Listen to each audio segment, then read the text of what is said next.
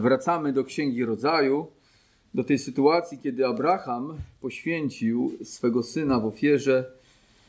E, mamy dzisiaj wieczerzę pańską.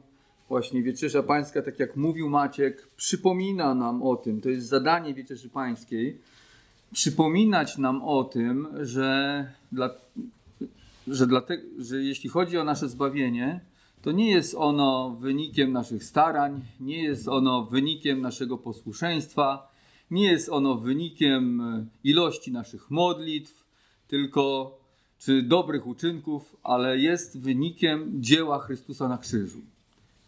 Dlatego my dzisiaj możemy tu być, dlatego my możemy Boga swobodnie chwalić. Wiele razy słyszałem w modlitwach, jak wielu z Was mówiło: Dziękuję Ci Boże za zbawienie. Dziękuję Ci za zbawienie. A to zbawienie jest możliwe, dlatego że Jezus za nas umarł. I dzisiaj będziemy właśnie też mówić dużo o tym, bo mamy ten fragment z księgi, pierwszej księgi Mojżeszowej, z księgi rodzaju, kiedy Abraham ofiarował Izaaka. Proszę, przeczytajmy od 22, 22 rozdział, od 9 wiersza do 19. Już dwa kazania tutaj rozważaliśmy z tego fragmentu. Idziemy dalej. Dzisiaj sam ten akt jakby próby uśmiercenia, złożenia w ofierze Izaaka. Od 9 wiersza 22 rozdziału Księga Rodzaju. A gdy przybyli na miejsce, o którym mu Bóg powiedział, czyli Izaak i Abraham przybyli na miejsce, zbudował tam Abraham ołtarz i ułożył drwa. Potem związał syna swego Izaaka i położył go na ołtarzu na drwach. I wyciągnął Abraham swoją rękę i wziął nóż, aby zabić syna swego. Lecz anioł pański zawołał nań z nieba i rzekł: Abrahamie, Abrahamie, a on rzekł: Oto ja. I rzekł: Nie podnoś ręki na chłopca i nie czyń mu nic, bo teraz wiem, że boisz się Boga, gdyż nie wzbraniałeś się ofiarować mi jedynego syna swego. A gdy Abraham podniósł oczy, ujrzał za sobą barana, który rogami uwikłał się w krzakach. A propos baranka, prawda? Dzisiejszego. Poszedł wtedy Abraham, a wziąwszy barana, złożył go na całopalenie zamiast syna swego. I nazwał Abraham to miejsce Pan zaopatruje, dlatego mówi się po dziś dzień, na górze Pana zaopatrzenie. Potem zawołał anioł pański powtórnie z nieba na Abrahama, mówiąc: Przysięgłem na siebie samego, mówi Pan, ponieważ to uczyniłeś i nie wzbraniałeś się ofiarować mi jedynego syna swego, będę ci błogosławił obficie i rozmnożę tak licznie potomstwo Twoje, jak gwiazdy na niebie i jak piasek na brzegu morza, a potomkowie Twoi zdobędą grody nieprzyjaciół swoich. I w potomstwie Twoim błogosławione będą wszystkie narody ziemi, za to, że usłuchałeś głosu mego. Potem powrócił Abraham do sług swoich i wstawszy, poszli razem do Berszeby. Pamiętacie, to jest to miejsce, gdzie Abraham otrzymał ten skrawek ziemi, Abimelech potwierdził, że to jest jego ziemia, ta, to miejsce Berszeba w tłumaczeniu przysięga. I mieszkał Abraham nadal w Berszebie. W niektórych pieśniach, które śpiewamy na naszych nabożeństwach, padają słowa, że oddajemy wszystko naszemu Bogu, całe nasze życie, że jesteśmy gotowi oddać Mu wszystko, co mamy najcenniejszego. Na przykład w pieśni tam na wzgórzu stał stary szorstki krzyż. Jedna ze zwrotek brzmi: O, jak kocham ten szorstki krzyż. Na nim Pan moc piekielną zmógł, wszystko składam u jego stóp, by się we mnie uwielbił Bóg. Wszystko składam pod tym krzyżem. Wszystko składam, śpiewamy, wszystko. A czym dla mnie jest to wszystko? Jak śpiewam, że wszystko tam składam, to co to to wszystko jest? Wszystkim dla Abrahama był Izaak. I tego Bóg od niego zażądał. To było dla niego to wszystko. Po prostu z nim były związane obietnice. Całe życie czekał na tego syna, wyglądał go, modlił się o niego, pragnął go. To było dla niego wszystko. Izaak był dla niego wszystkim. I tego Pan Bóg od niego zażądał. Na pewno też Bóg zażądał tego od niego, aby Abraham pokazał, że Bóg jest na pierwszym miejscu w jego życiu, aby mógł to pokazać, że Bóg, a nie Izaak. Prawda? Bo no, Izaak był tym ukochanym synem. Kiedyś do Pana Jezusa przyszedł bogaty młodzieniec w 18 rozdziale Ewangelii Łukasza. I Dla niego wszystkim, co było? Pieniądze. Dla niego wszystkim było pieniądze. Dla Abrahama to był Izaak. Ale dla tego młodzieńca to były pieniądze. Dla każdego z nas różnie to wszystko, tak? Może różne rzeczy to mogą być. To wszystko. To jest to, co jest dla nas najcenniejsze. Pan Jezus wezwał tego młodzieńca w 18 rozdziale Łukasza, by sprzedał co miał, rozdał ubogim i poszedł za nim. Ten z kolei nie chciał tego zrobić. Bardziej kochał swoje pieniądze niż Pana Boga, chociaż twierdził, że bardzo kocha Pana Boga. Pewnie twierdził, że bardziej niż pieniądze, ale dopiero gdy zaszła konieczność oddania tych pieniędzy za Pana Boga, to się okazało, że to wcale nie jest takie oczywiste, że w jego sercu jest na pierwszym miejscu Pan Bóg. Pan Jezus też wzywał wielu ludzi, żeby na przykład porzucili swoją rodzinę. Że kto kocha ojca i matkę, i córkę, i syna bardziej niż mnie, nie jest mnie godzien. Pamiętacie, był tam taki człowiek, który mówił: Słuchaj, pójdę za tobą, ale najpierw to pozwól mi pochować mego ojca.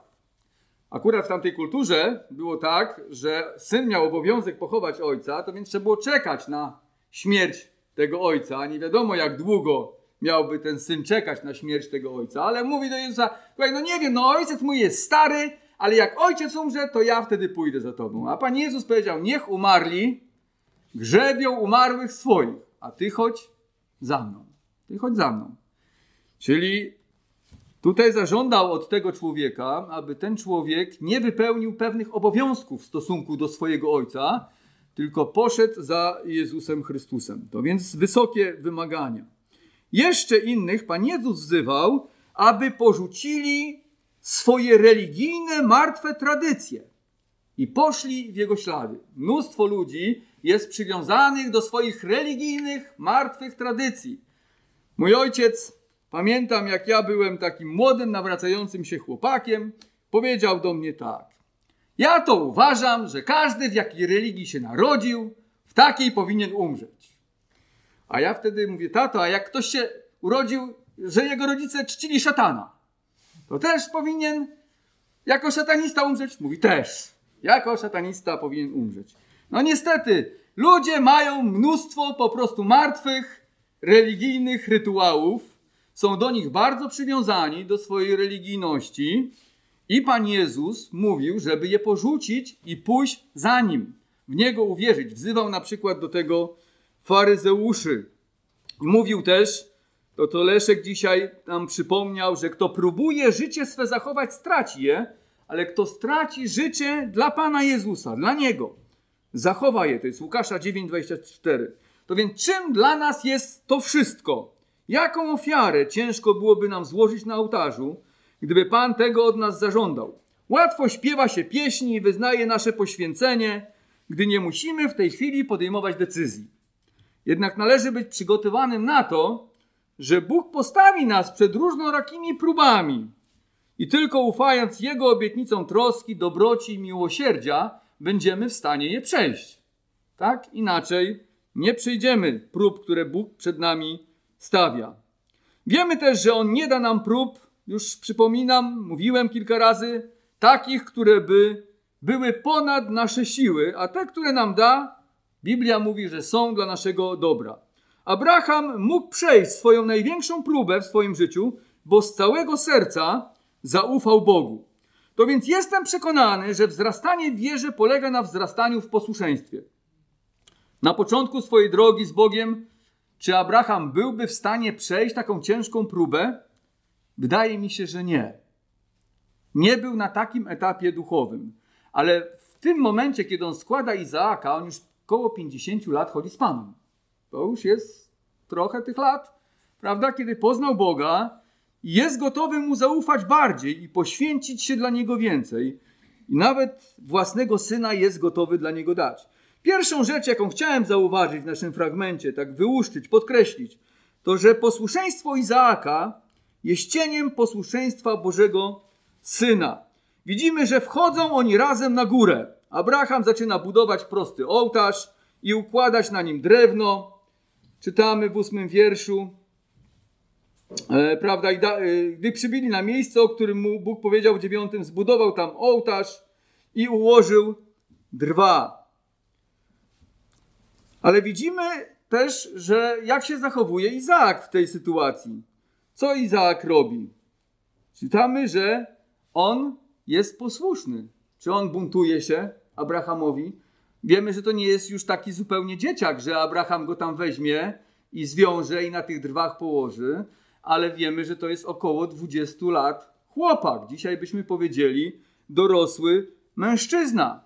Izaak mógłby z łatwością powstrzymać swojego starego ojca, tak? A tutaj czytamy, ułożył drwa, potem związał syna swego Izaaka i położył go na ołtarzu na drwach. Na pewno Izaak pomagał w tym Abrahamowi.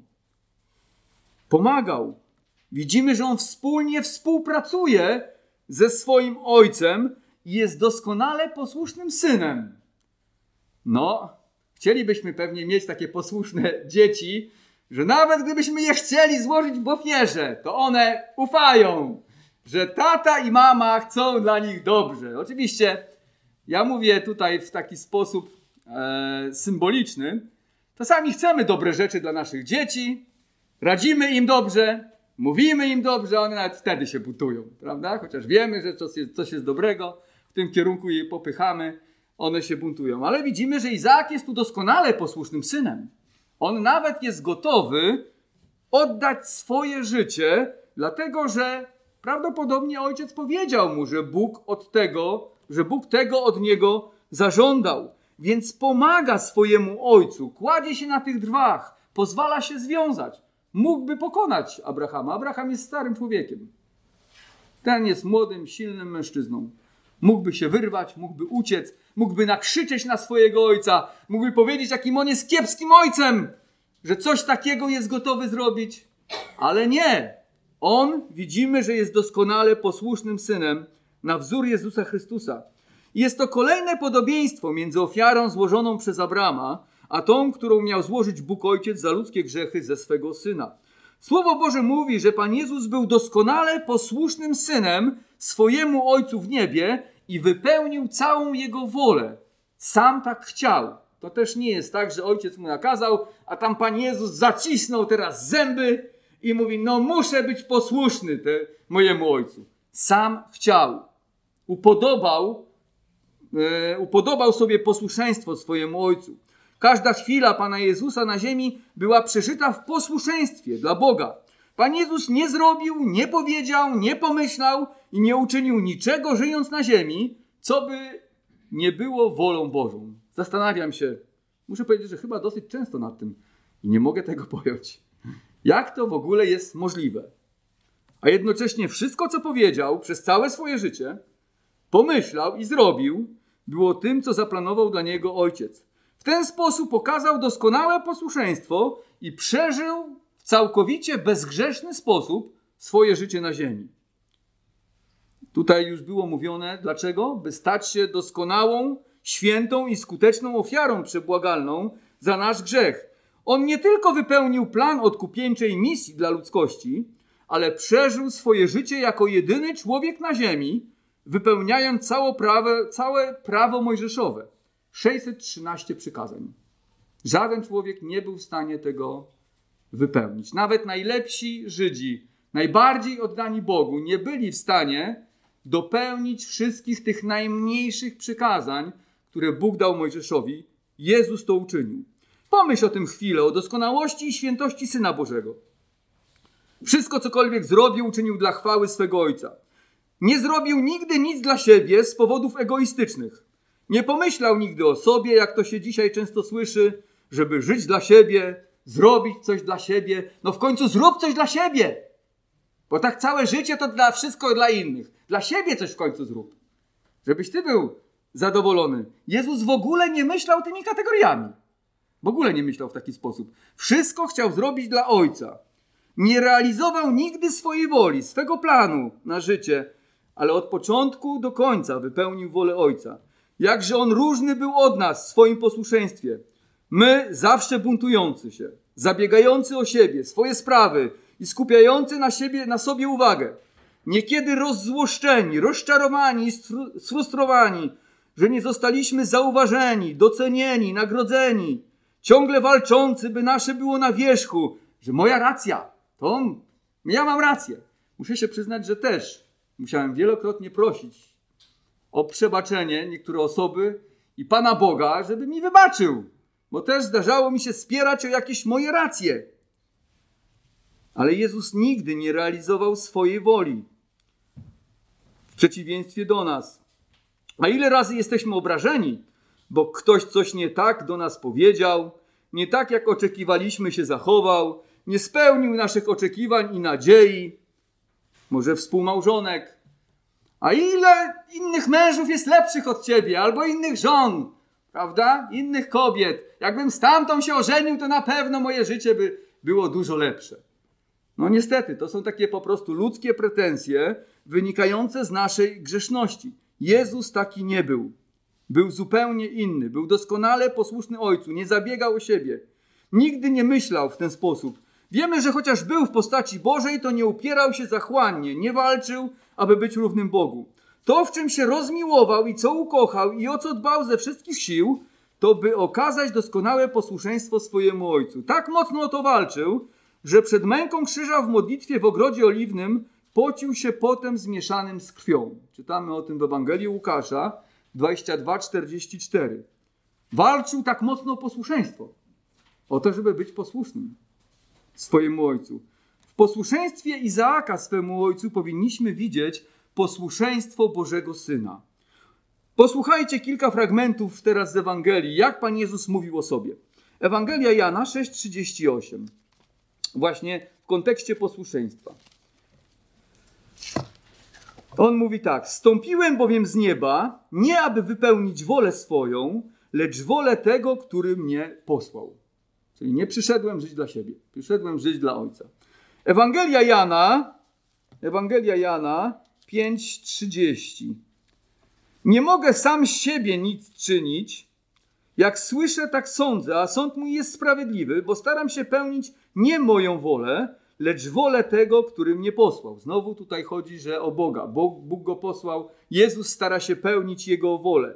Ewangelia Jana 4,34 Pan Jezus powiedział, że Jego pokarmem jest spełnić wolę tego, czyli Boga Ojca, który mnie posłał i dokonać Jego dzieła. W tym znajdował upodobanie.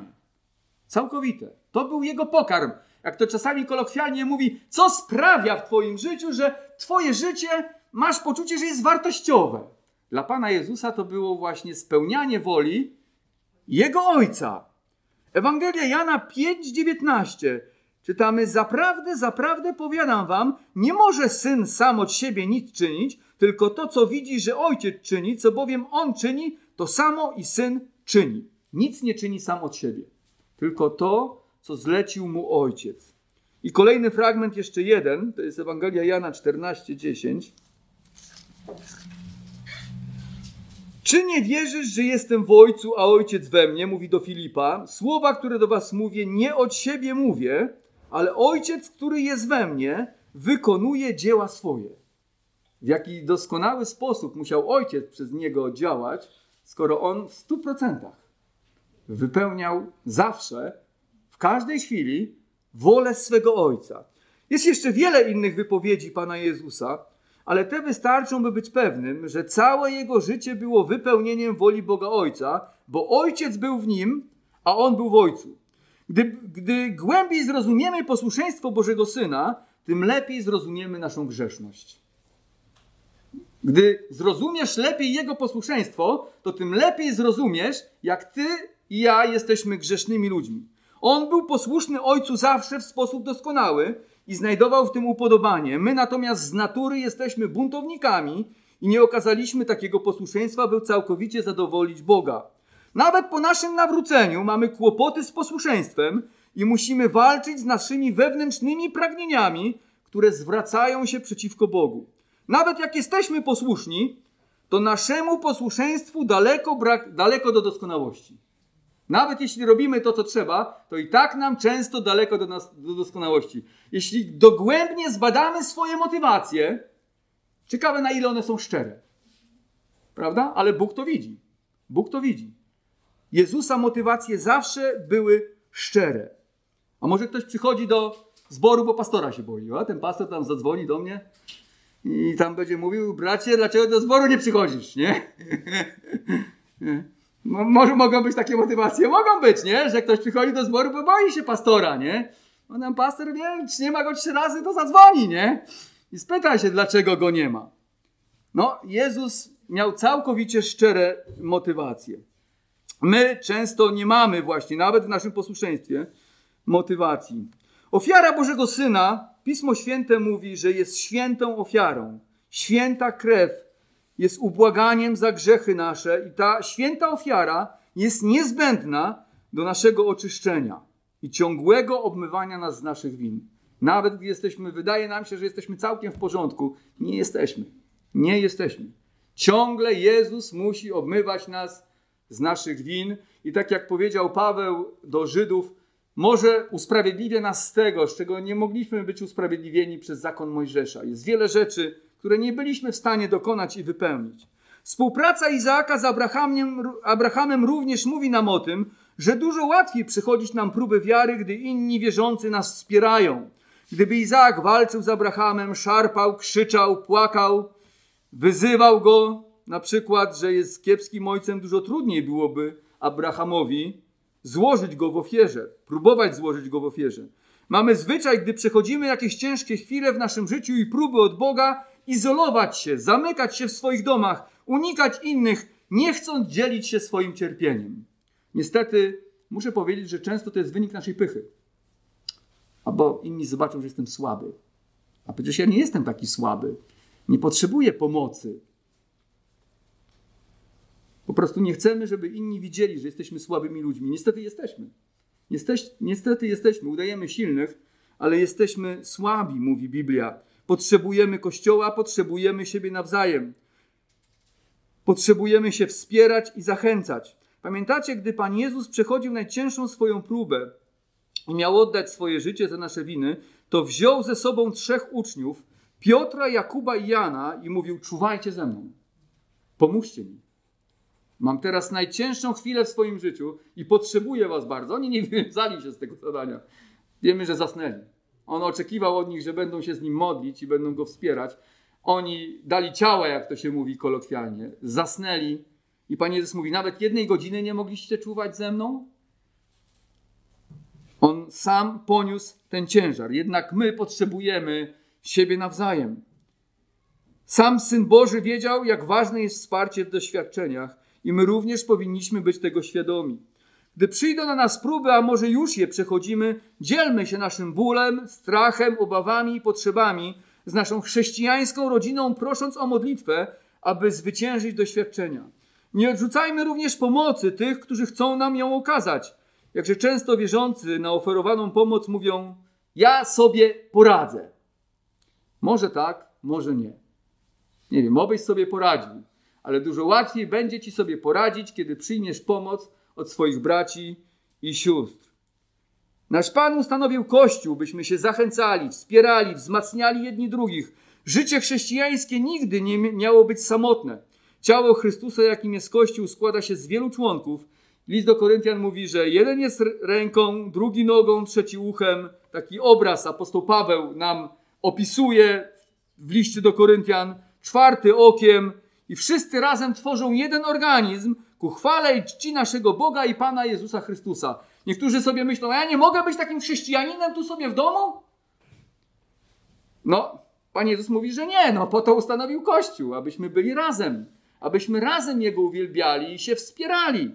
To jest Jego wola.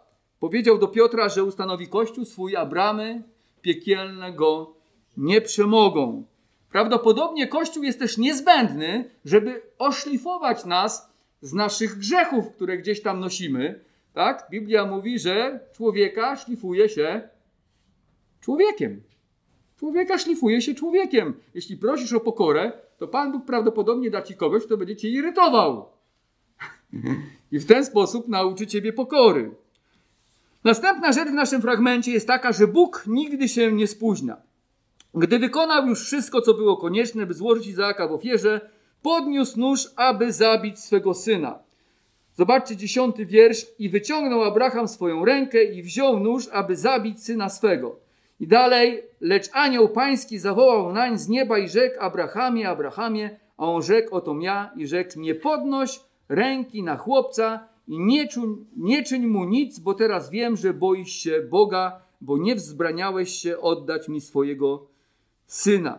Widzimy, że Bóg zawołał na niego w ostatnim momencie. Już miał pozbawić życia swego syna, już uniósł rękę, aby odebrać mu życie, a wtedy Pan przemówił, by tego nie czynił. Czytając Biblię i przez swoje doświadczenia zauważyłem, że Bóg często przychodzi z pomocą niemal w ostatniej chwili, gdy mu ufamy, ale nigdy się nie spóźnia. Nigdy się nie spóźnia. Ostatnio pracowałem nad tym kazaniem, mówię, jakie to jest niesamowite. Po prostu tak jest. Nigdy się nie spóźnia, ale często czeka aż do granicy. Po prostu pozwala na to, byśmy doszli do granicy naszych możliwości, testując nas i wkracza wtedy, kiedy jego interwencja jest już niezbędna. Apostoł Paweł mówi, że Pan tak czyni, byśmy nie polegali na sobie samych, ale na nim i jego wielkiej mocy. Chodzi o to, że doprowadzając do granicy naszych sił i możliwości sprawia, że wątpimy coraz bardziej w siebie oraz własne siły, ale mocniej szukamy pomocy u Boga. Niestety musi tak robić, bo my często polegamy na sobie, na naszych siłach, na naszym zaopatrzeniu. Prawda? No więc pozwala na to, że ci wywalą z pracy, pozwala na to, że skończą się czasami pieniądze na koncie i już nie masz czego zapłacić rachunków, a tu masz dwa dni jeszcze, albo jeden dzień, albo kilka godzin, prawda, do uregulowania. Pozwala na to, że czujemy się zagrożeni od innych ludzi i wydaje nam się, że jak to teraz będzie? Już tutaj, prawda, mam jakieś spotkanie i nie jestem odpowiednio do niego przygotowany. To więc do różnych sytuacji dopuszcza w naszym życiu. Przypomnijmy sobie, kiedy Bóg otworzył Morze Czerwone przed Izraelitami. Czy od razu to sprawił, kiedy oni dotarli na brzeg plaży? Nie wiem, czy pamiętacie ten fragment, ale oni tam dotarli na brzeg plaży i właściwie był czas, żeby to morze otworzyć, ale oni czekali. I morze nie było otwarte. I czytamy, że dopiero to sprawił, kiedy Egipcjanie zaczęli się zbliżać, a oni zaczęli krzyczeć. Im poginiemy i mają pretensje do Mojżesza, że za chwilę oni poginą, bo tamci już są właściwie no, chwilę przed nimi. I wtedy właśnie dopiero Bóg otworzył morze przed Izraelitami. Mojżesz powiedział: Nie bój się, wytrwaj, wytrwajcie w ufności Panu, a zobaczysz Jego pomoc. I tego właśnie potrzebujemy. Nie bój się, wytrwaj do tej ostatniej chwili, a zobaczysz pomoc Pana Boga. Ciężko nam wytrwać. Nie? Kiedy zbliża się do granicy i coraz bliżej, i wydaje nam się, że Bóg nie przychodzi. No, no nic nie robi, a tu masz perspektywę lewego interesu. Prawda? Tu masz lewy interes, a tu masz uczciwe, tak?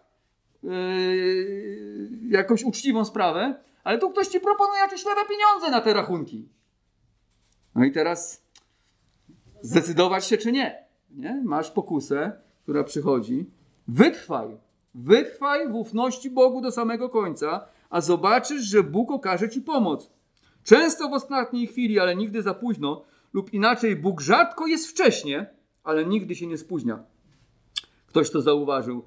Również niewolnica Hagar doświadczyła ratunku Pana w ostatniej chwili, gdy błąkała się ze swoim synem po pustyni, po tym, gdy została wypędzona z domu Abrahama. Pan przyszedł do niej z pomocą, gdy myślała, że jej śmierć i śmierć jej syna już postanowiona. Nawet oddaliła go od siebie, bo nie chciała patrzeć na jego śmierć. I Pan w ostatniej chwili pokazał jej studnię. Gdy Izraelici przechodzili przez Jordan, zdobywając ziemię obiecaną, to Jordan, pamiętacie, kiedy się zatrzymał? Była rzeka, szeroka rzeka przed nimi i Pan Bóg mówi, idźcie. No jak iść? Jest woda. Nie? A Pan Bóg mówi, idźcie. Nie? I Jordan się zatrzymał, kiedy kapłani zamoczyli nogi. Wtedy Jordan się zatrzymał i woda się rozdzieliła. Ale do tego momentu musieli zaufać. Po prostu musieli wejść w tą wodę. Nie? Zobaczcie, ostatnia chwila, ostatni moment. Jeszcze innym przykładem jest sytuacja, kiedy Pan pozwolił, by przyjaciele Daniela w księdze Daniela zostali wrzuceni do rozpalonego pieca. Nawet piec został rozpalony siedem razy bardziej niż zwykle, a ogień, który z niego buchał, spalił strażników, którzy wrzucali towarzyszy Daniela. Ostatnia chwila. Nawet do ognia Bóg pozwolił wrzucić. Kolejnym przykładem, kiedy Bóg czekał do samego końca, jest 11 rozdział Ewangelii Jana, gdy pozwolił na śmierć Łazarza. Słowo Boże mówi, że Pan Jezus, gdy dowiedział się, że Łazarz choruje, to jeszcze pozostał dwa dni w miejscu, gdzie przebywał, by nikt nie miał wątpliwości, że Łazarz faktycznie był martwy. Tak? Wiemy, że Żydzi uważali, że do trzech dni może być jeszcze jakiś letarg, może jakieś omdlenie, jakaś śpiączka, ale po czterech dniach, kiedy już człowiek nie wstawał, to mieli pewność, że to chyba jest martwy. nie? I czytamy o Łazarzu, że on już śmierdział, to więc i ciało zaczęło się rozkładać. Więc Bóg czeka do samego końca również z tego powodu, że Jego chwała jest większa, gdy Jego moc zostanie okazana w ostatnim momencie. Innym powodem czekania Boga i doprowadzenia człowieka aż do granicy, jak w historii Abrahama, jest większa wdzięczność wyratowanego. Dużo bardziej Boży ratunek dotyka naszego serca, gdy już czujemy na karku oddech problemów, niż wtedy, gdy problemy widzimy z daleka. Nie? I widzisz w ostatniej chwili, mówisz, Boże, jak ja Ci dziękuję. Ja już myślałem, że koniec. A tutaj ratunek przyszedł. Nie? No tak jest. Trzecia rzecz, próba Abrahama pokazała, że on naprawdę boi się Boga. Czytamy tutaj w naszym dwunastym e, wierszu.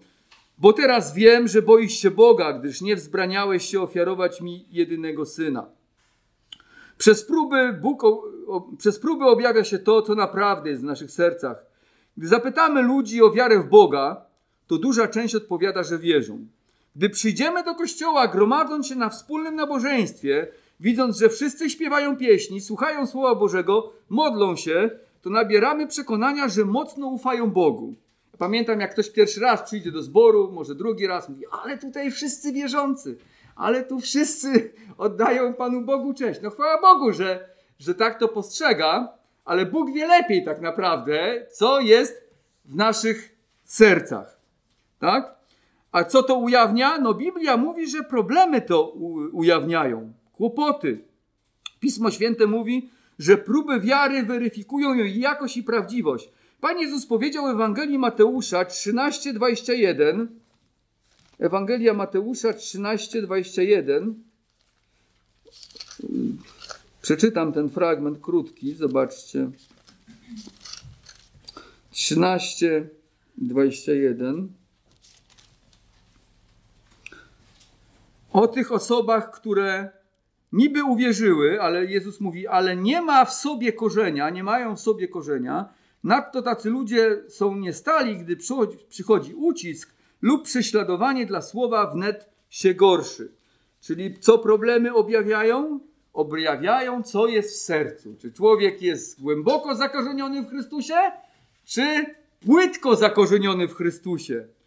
Ludzie, którzy nie mają głębokiej wiary, podczas prób odpadają i okazują się niestali, powiedział Jezus, choć wcześniej mogło się wydawać, że są bardzo oddani Bogu. A jak to możliwe? Ten brat taki gorliwy, tak śpiewał gorliwie, modlił się tak gorliwie, a teraz, no zobacz, on nawet nie chce słyszeć o spotkaniu, o modlitwie, o tym, żeby szukać Pana Boga, a był taki oddany. No właśnie, próby pokazały, że jego serce faktycznie nie było takie, jak powinno być. Próby obnażyły, że w sercu nie było prawdziwej wiary. I czytamy o Izraelitach, gdy oni wychodzili z, Izra- z Egiptu, to Pan Jezus poddał ich próbie. W ósmym rozdziale Księgi Powtórzonego Prawa e, Bóg poddał Izraela próbie, doświadczeniom i tam czytamy, aby te próby pokazały, co naprawdę było w ich sercach. A co te próby obnażyły? No, na przykład obnażyły narzekanie, bunt przeciw Mojżeszowi, Czynili sobie fałszywych bogów i oddawali się niemoralności seksualnej, chociaż Bóg wyraźnie tego zakazał. W ten sposób dowiedli, że zamiast miłości do Boga w ich sercach wciąż był Egipt. Chociaż wyszli z Egiptu, ale Egipt nie wyszedł skąd? Z nich. I czasami tak jest. Ludzie są w kościele, tak? Ale świat z nich nie wylazł. Nie? W kościele są, ale w sercu jest wciąż świat. Może tak być. Gdy do naszego życia przychodzą próby, jak do Abrahama, to objawia się, czy w naszych sercach jest świat, czy bojaźń Boża. Gdy w chwilach prób zapieramy się Pana, narzekamy, upijamy się, ulegamy złości i przejmuje nad nami kontrolę gniew, gorycz, nienawiść, niewiara, to widzimy, jak to faktycznie jest z tą naszą bojaźnią i miłością do Boga. Chciałbym Wam podać pewien przykład, pozytywny przykład. 10 października 1972 roku zdarzyła się historia, która wstrząsnęła wieloma osobami. George, George Jagger wypłynął łodzią na ryby wraz ze swoim ojcem i trzema synami na Oceanie Atlantyckim. W trakcie połowu łódź uległa awarii i nie można było uruchomić silnika. Niedługo potem pojawił się sztorm i sześciometrowe fale zatopiły łódź. George zdążył tylko ubrać synów w kamizelki ratunkowe i związać ich liną, by się nie pogubili. I tak związanych ponad 8 godzin holował do brzegu, płynąc w pław. Jednak pomimo całego jego wysiłku, wszyscy synowie utopili się. Utopił się także jego ojciec. Gdy George dopłynął i wyciągnął synów z wody, wszyscy byli martwi. 15-letni Bruce, 11-letni Robert i 10-letni Clifford. Gdy później George rozmawiał z dziennikarzami i pytali, jak do tego doszło, powiedział, że najmłodszy syn Clifford odszedł pierwszy. Mówił, że zawsze uczył dzieci, by nie bały się śmierci i zaufały Jezusowi. Przekazał, że jego najmłodszy syn przed śmiercią powiedział: Tato, wolę już być z Jezusem, niż dalej walczyć. I tak poddał się i odszedł. Podobnie inne dzieci nie były w stanie utrzymać głowy nad wodą. Po prostu wyślizgiwały się z tych kamizelek i utopili się. I cóż za straszna tragedia, jaka ciężka próba. Ale George zachował nadzieję, bo miał wiarę w Chrystusa w sercu i ufał Bogu, że Pan lepiej wiedział, co jest dla niego dobre. I ostatnia, ostatnia rzecz jest taka, że na górze Pana jest zaopatrzenie. Na górze Pana jest zaopatrzenie. A gdy Abraham podniósł oczy, ujrzał za sobą barana, który rogami uwikłał się w krzakach. Poszedł tedy Abraham, a wziąwszy barana, złożył go na całopalenie zamiast syna, syna swego i nazwał Abraham to miejsce Pan zaopatruje. Dlatego mówi się po dziś dzień, na górze Pana jest zaopatrzenie.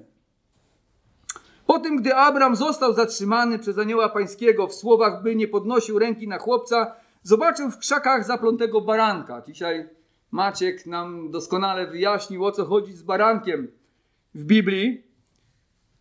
I zamiast swego syna złożył tego baranka w ofierze. W ten sposób Pan zapewnił mu ofiarę całopalną. W odpowiedzi na działanie Boga Abraham nazwał górę Moria Pan zaopatruje.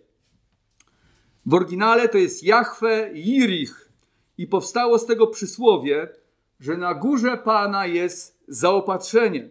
Dosłownie zwrot Abrahama możemy przetłumaczyć, że Pan zapewni. Pan zapewni. Przede wszystkim ten zwrot należy rozumieć w taki sposób, że Pan zapewnił nam ofiarę za grzechy w osobie Jezusa Chrystusa. Na górze Pana jest zaopatrzenie, zbawienie. Na górze Pana, w społeczności z Panem jest zaopatrzenie w życie wieczne. Tak jak zaplątany baran zajął miejsce Izaaka na ołtarzu, tak Pan Jezus zajął nasze miejsce na krzyżu. Wiemy, że góra Moria, gdzie Abraham złożył ofiarę, po dwóch tysiącach lat okazała się miejscem, gdzie Pan Jezus został ofiarowany za ludzkie grzechy.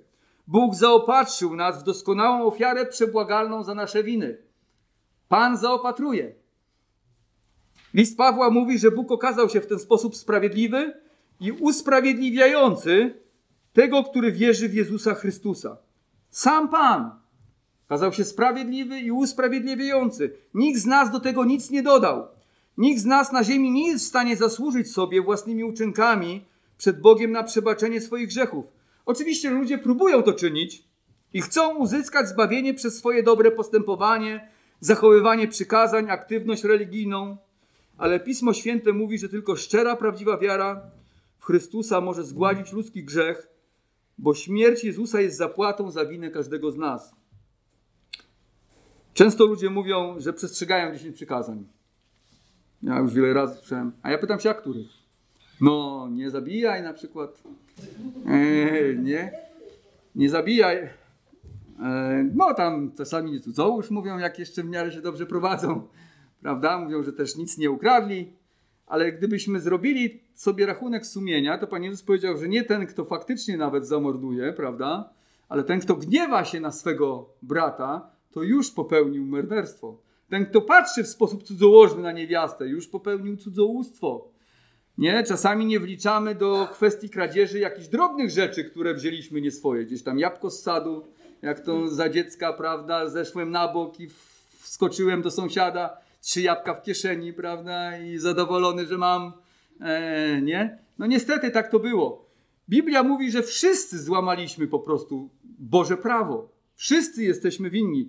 Złamaliśmy Boże przykazania i nadal je łamiemy niestety. Chcemy oczywiście tego nie robić, staramy się podążać za Chrystusem, ale to Pan zapewnił nam zbawienie. Na górze Pana jest zaopatrzenie. Nie sami siebie zbawiamy, tylko On nas zbawia. W rzeczywistości ludzkie próby zasłużenia na zbawienie są obrażaniem Boga, bo ludzie nie chcą przyjąć przebaczenia, które Bóg zapewnił w Jezusie i myślą, że ich starania są lepsze niż ofiara Jezusa. Słowa Abrahama o Bożym zaopatrzeniu w ofiary byli, były słowami proroczymi. Bóg dał nam Zbawiciela. On jest najdoskonalszym zaopatrzeniem. Mając Jego masz wszystko. Nie znając Chrystusa nie masz nic. Pamiętacie list do Laodycei, jak Pan Jezus określił ten zbór, który mówił o sobie, bogaty jestem, wzbogaciłem się i niczego nie potrzebuję. A Pan Jezus mówi, nie wiesz, żeś nędzarz, biedak i pożałowania godny. Nic nie macie. Jeśli mnie stracicie, to nie macie nic. Po prostu wasze życie jest jałowe, puste, kruche i za chwilę okaże, okaże się, że wasze nadzieje związane z tym bogactwem po prostu to mrzonki jakieś. Bo skończy się wasze życie i musicie stanąć przede mną, a jeśli mnie nie znacie, nie możecie być zbawieni. W związku z tym dzisiaj Pan Jezus, Pan Bóg wzywa każdego, kto chce być zbawiony, by uwierzył w Chrystusa, bo zbliża się dzień, kiedy Bóg będzie sądził świat. Ci, którzy uwierzyli w Jezusa, otrzymają życie wieczne. Ci zaś, którzy nie uwierzyli, Biblia mówi, że będą potępieni. Gdy Abraham mówi, że Bóg zaopatruje, możemy to rozumieć znacznie szerzej, bo powstało nawet z tego przysłowie, że na górze Pana zaopatrzenie. Czyli trwając w społeczności z Bogiem, zawsze jesteśmy zaopatrywani w Bożą pomoc we wszystkich próbach i we wszystko, co nam jest potrzebne do życia. Jeśli jesteś w społeczności z Bogiem, On zaopatruje. Nawet gdyby było w naszym życiu najciężej, to będąc w Chrystusie możemy być pewni, że Bóg się o nas troszczy, a wszystkie nasze doświadczenia przez swoją wielką moc obróci ku dobremu. Czytamy o tym w Rzymian 8:28.